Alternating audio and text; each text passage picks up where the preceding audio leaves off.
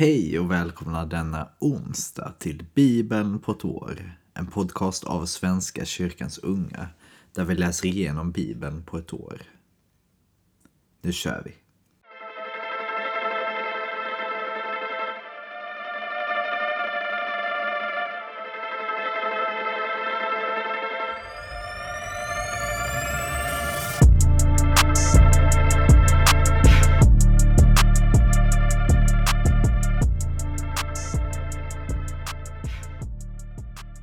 Vi ber. Tack Gud för denna dagen. Tack för denna onsdag. Tack för det ljus som du lyser.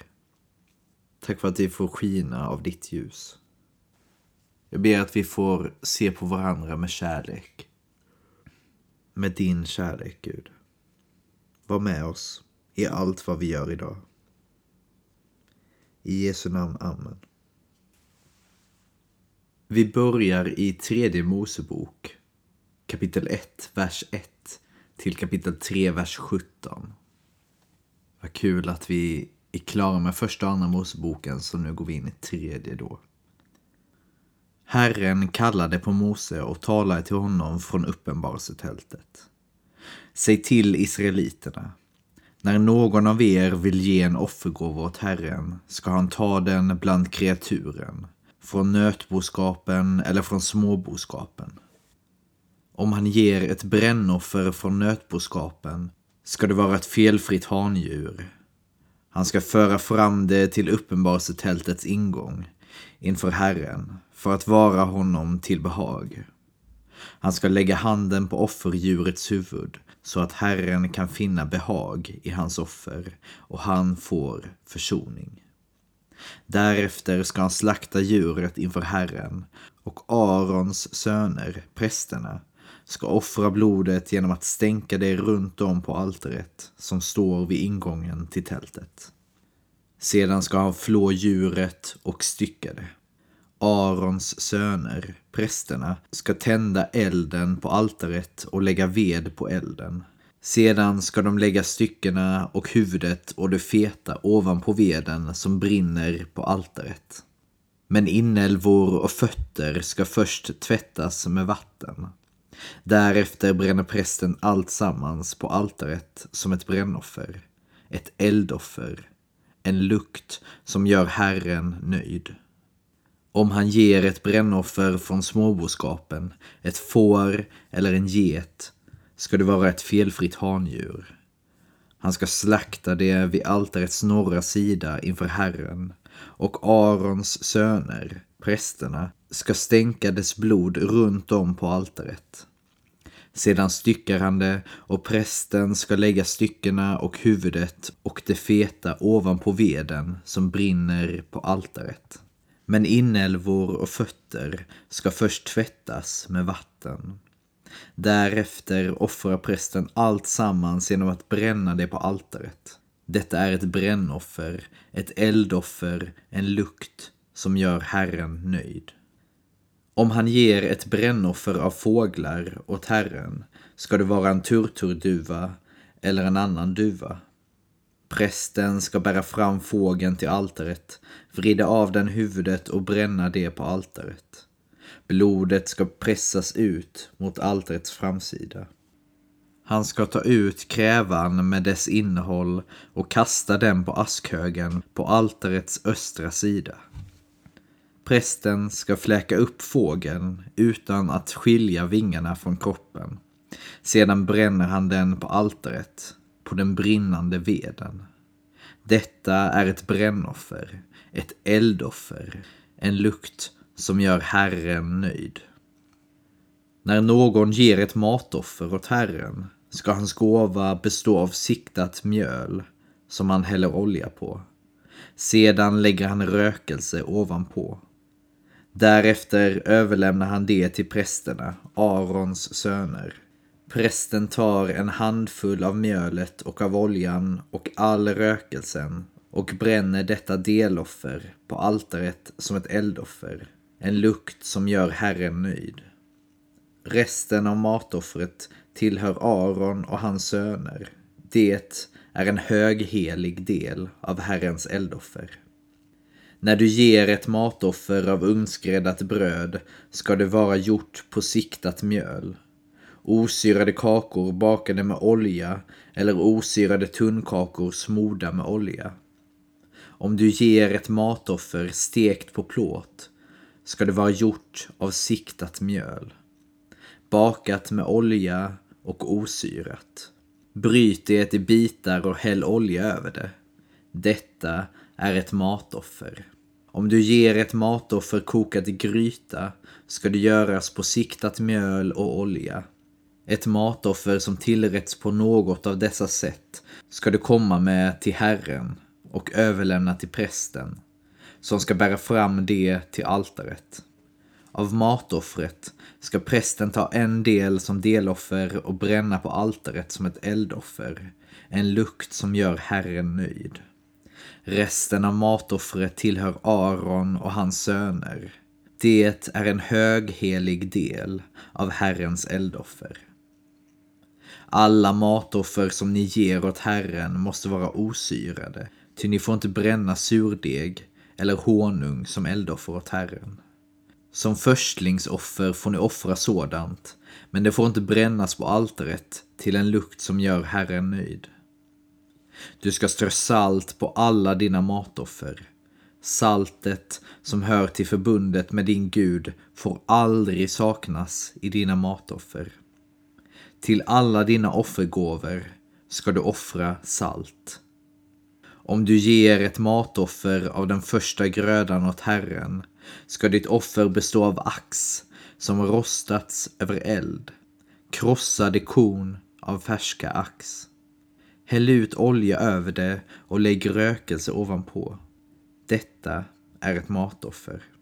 Prästen ska ta en del av kornen och av oljan som deloffer och all rökelsen och bränna det som ett eldoffer åt Herren.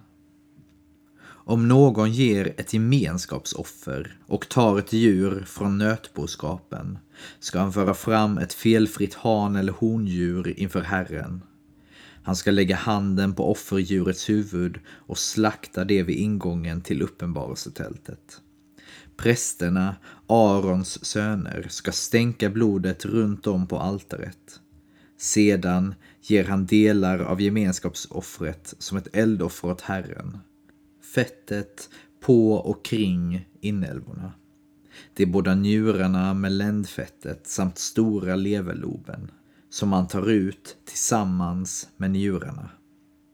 Arons söner ska bränna det på altaret tillsammans med brännoffret på den brinnande veden som ett eldoffer. En lukt som gör Herren nöjd. Om han ger ett gemenskapsoffer åt Herren från småboskapen ska det vara ett felfritt han eller hondjur. Offrar han ett får ska han föra fram det inför Herren, lägga handen på offerdjurets huvud och slakta det framför uppenbarelsetältet. Arons söner ska stänka blod runt om på altaret. Sedan ger han fettet från gemenskapsoffret som ett eldoffer åt Herren. Hela fettsvansen avskuren vid roten, fettet på och kring inälvorna, de båda njurarna med ländfettet samt stora leverloben, som man tar ut tillsammans med njurarna. Prästen bränner detta på altaret till föda, ett eldoffer åt Herren. Om han ger en get ska han föra fram den inför Herren, lägga handen på dess huvud och slakta den framför uppenbarelsetältet. Arons söner ska stänka dess blod runt om på altaret. Sedan ska han av sin gåva som ett eldoffer åt Herren ge fettet på och kring inälvorna. De båda njurarna med ländfettet samt stora leverloben som man tar ut tillsammans med njurarna. Prästen bränner detta på altaret till föda, ett eldoffer, till en lukt som gör Herren nöjd. Allt fett tillhör Herren. Detta ska vara en oföränderlig stadga genom alla släktled, var ni än bor. Ni får inte äta fett eller blod. Ja, där fick vi lära oss om hur man ska tänka kring brännoffer, matoffer och gemenskapsoffer. Det finns fler offer som vi får höra om imorgon. Men nu går vi vidare i Markus. Kapitel 1, vers 29 till kapitel 2, vers 12. Från synagogan gick de hem till Simon och Andreas tillsammans med Jakob och Johannes. Simons svärmor låg i feber och det sade de genast till Jesus. Han gick fram till henne, tog hennes hand och reste henne upp. Och febern lämnade henne och hon passade upp dem. På kvällen efter solnedgången kom man till honom med alla sjuka och besatta. Hela staden hade samlats utanför dörren och han botade många som led av olika sjukdomar och drev ut många demoner. Och han förbjöd demonerna att tala eftersom de visste vem han var. Tidigt nästa morgon, medan det ännu var mörkt, gav han sig av därifrån och gick bort till en enstig plats. Och där bad han. Simon och de andra skyndade efter honom och när de hade funnit honom sade de Alla söker efter dig. Han svarade Låt oss gå åt ett annat håll, till byarna här omkring, så att jag kan predika där också. Det är därför jag har gått ut. Och han gick och predikade i synagogorna i hela Galileen och drev ut demonerna. En spetälsk kom till honom och föll på knä och bad. Vill du, så kan du göra mig ren. Jesus greps av vrede, sträckte ut handen och tog på honom och sade Jag vill, bli ren. Och genast försvann spetälskan och han blev ren. Jesus skickade bort honom med en sträng förmaning. Säg ingenting till någon. Men gå och visa upp dig för prästen och ge det ett offer för din rening som Mose har bestämt. Det blir ett vittnesbörd för dem. Men mannen gick därifrån och började tala vitt och brett om saken så att Jesus inte längre kunde visa sig i någon stad utan stannade ute i ödemarken. Och det kom folk till honom från alla håll. Några dagar senare kom han tillbaka till Kafarnaum och det blev känt att han var hemma. Det samlades så mycket folk att inte ens platsen utanför dörren räckte till längre. Och han förkunnade ordet för dem. Då kom de dit med en lam som bars av fyra män. Eftersom de inte kunde komma fram till Jesus i trängseln bröt de upp taket ovanför honom och firade ner bädden med den lame genom öppningen. När Jesus såg deras tro sade han till den lame Mitt barn, dina synder är förlåtna. Nu satt där några skriftlärda och de tänkte för sig själva hur kan han tala så? Han hädar ju. Vem kan förlåta synder utom Gud? Jesus förstod i sin ande vad de tänkte och sade till dem. Hur kan ni tänka så i era hjärtan? Vilket är lättast att säga till den lame? Dina synder är förlåtna eller att säga stig upp, ta din bädd och gå. Men för att ni ska veta att Människosonen har makt att förlåta synder här på jorden säger jag dig. Och nu talade han till den lame. Stig upp, ta din bädd och gå hem. Och mannen steg upp, tog genast sin bädd och gick ut i allas åsyn. Så att de häpnade och prisade Gud och sade Aldrig har vi sett något sådant. Jag tänker att jag kanske också hade suttit där som de skriftlärde och tänkt, vem, vad snackar han om? Han kan inte säga så. Hur kan han säga så där? Vem är han som säger att han är Gud? På ett sätt. Men så visar Jesus det. Han hör dem och visar för dem att kolla här vad jag kan göra. Och så gör han det. Vi fortsätter i Saltaren, psalm 35, vers 17 till 28. Herre, hur länge ska du se på? Befria mig från deras grymheter. Rädda mitt liv från lejonen. Då ska jag tacka dig i tempelskaran, prisa dig bland allt folket. Låt inte mina lömska fiender glädjas. Låt inte de som hatar mig utan grund göra försmädliga miner. Ty deras ord skapar osämja och mot de stilla i landet har de svekfulla planer. De öppnar sin breda mun och skrattar hånfullt. Vad var det vi sa? Du ser det, Herre. Var inte tyst. Herre, dröj inte långt borta. Vakna, res dig, skaffa mig rätt.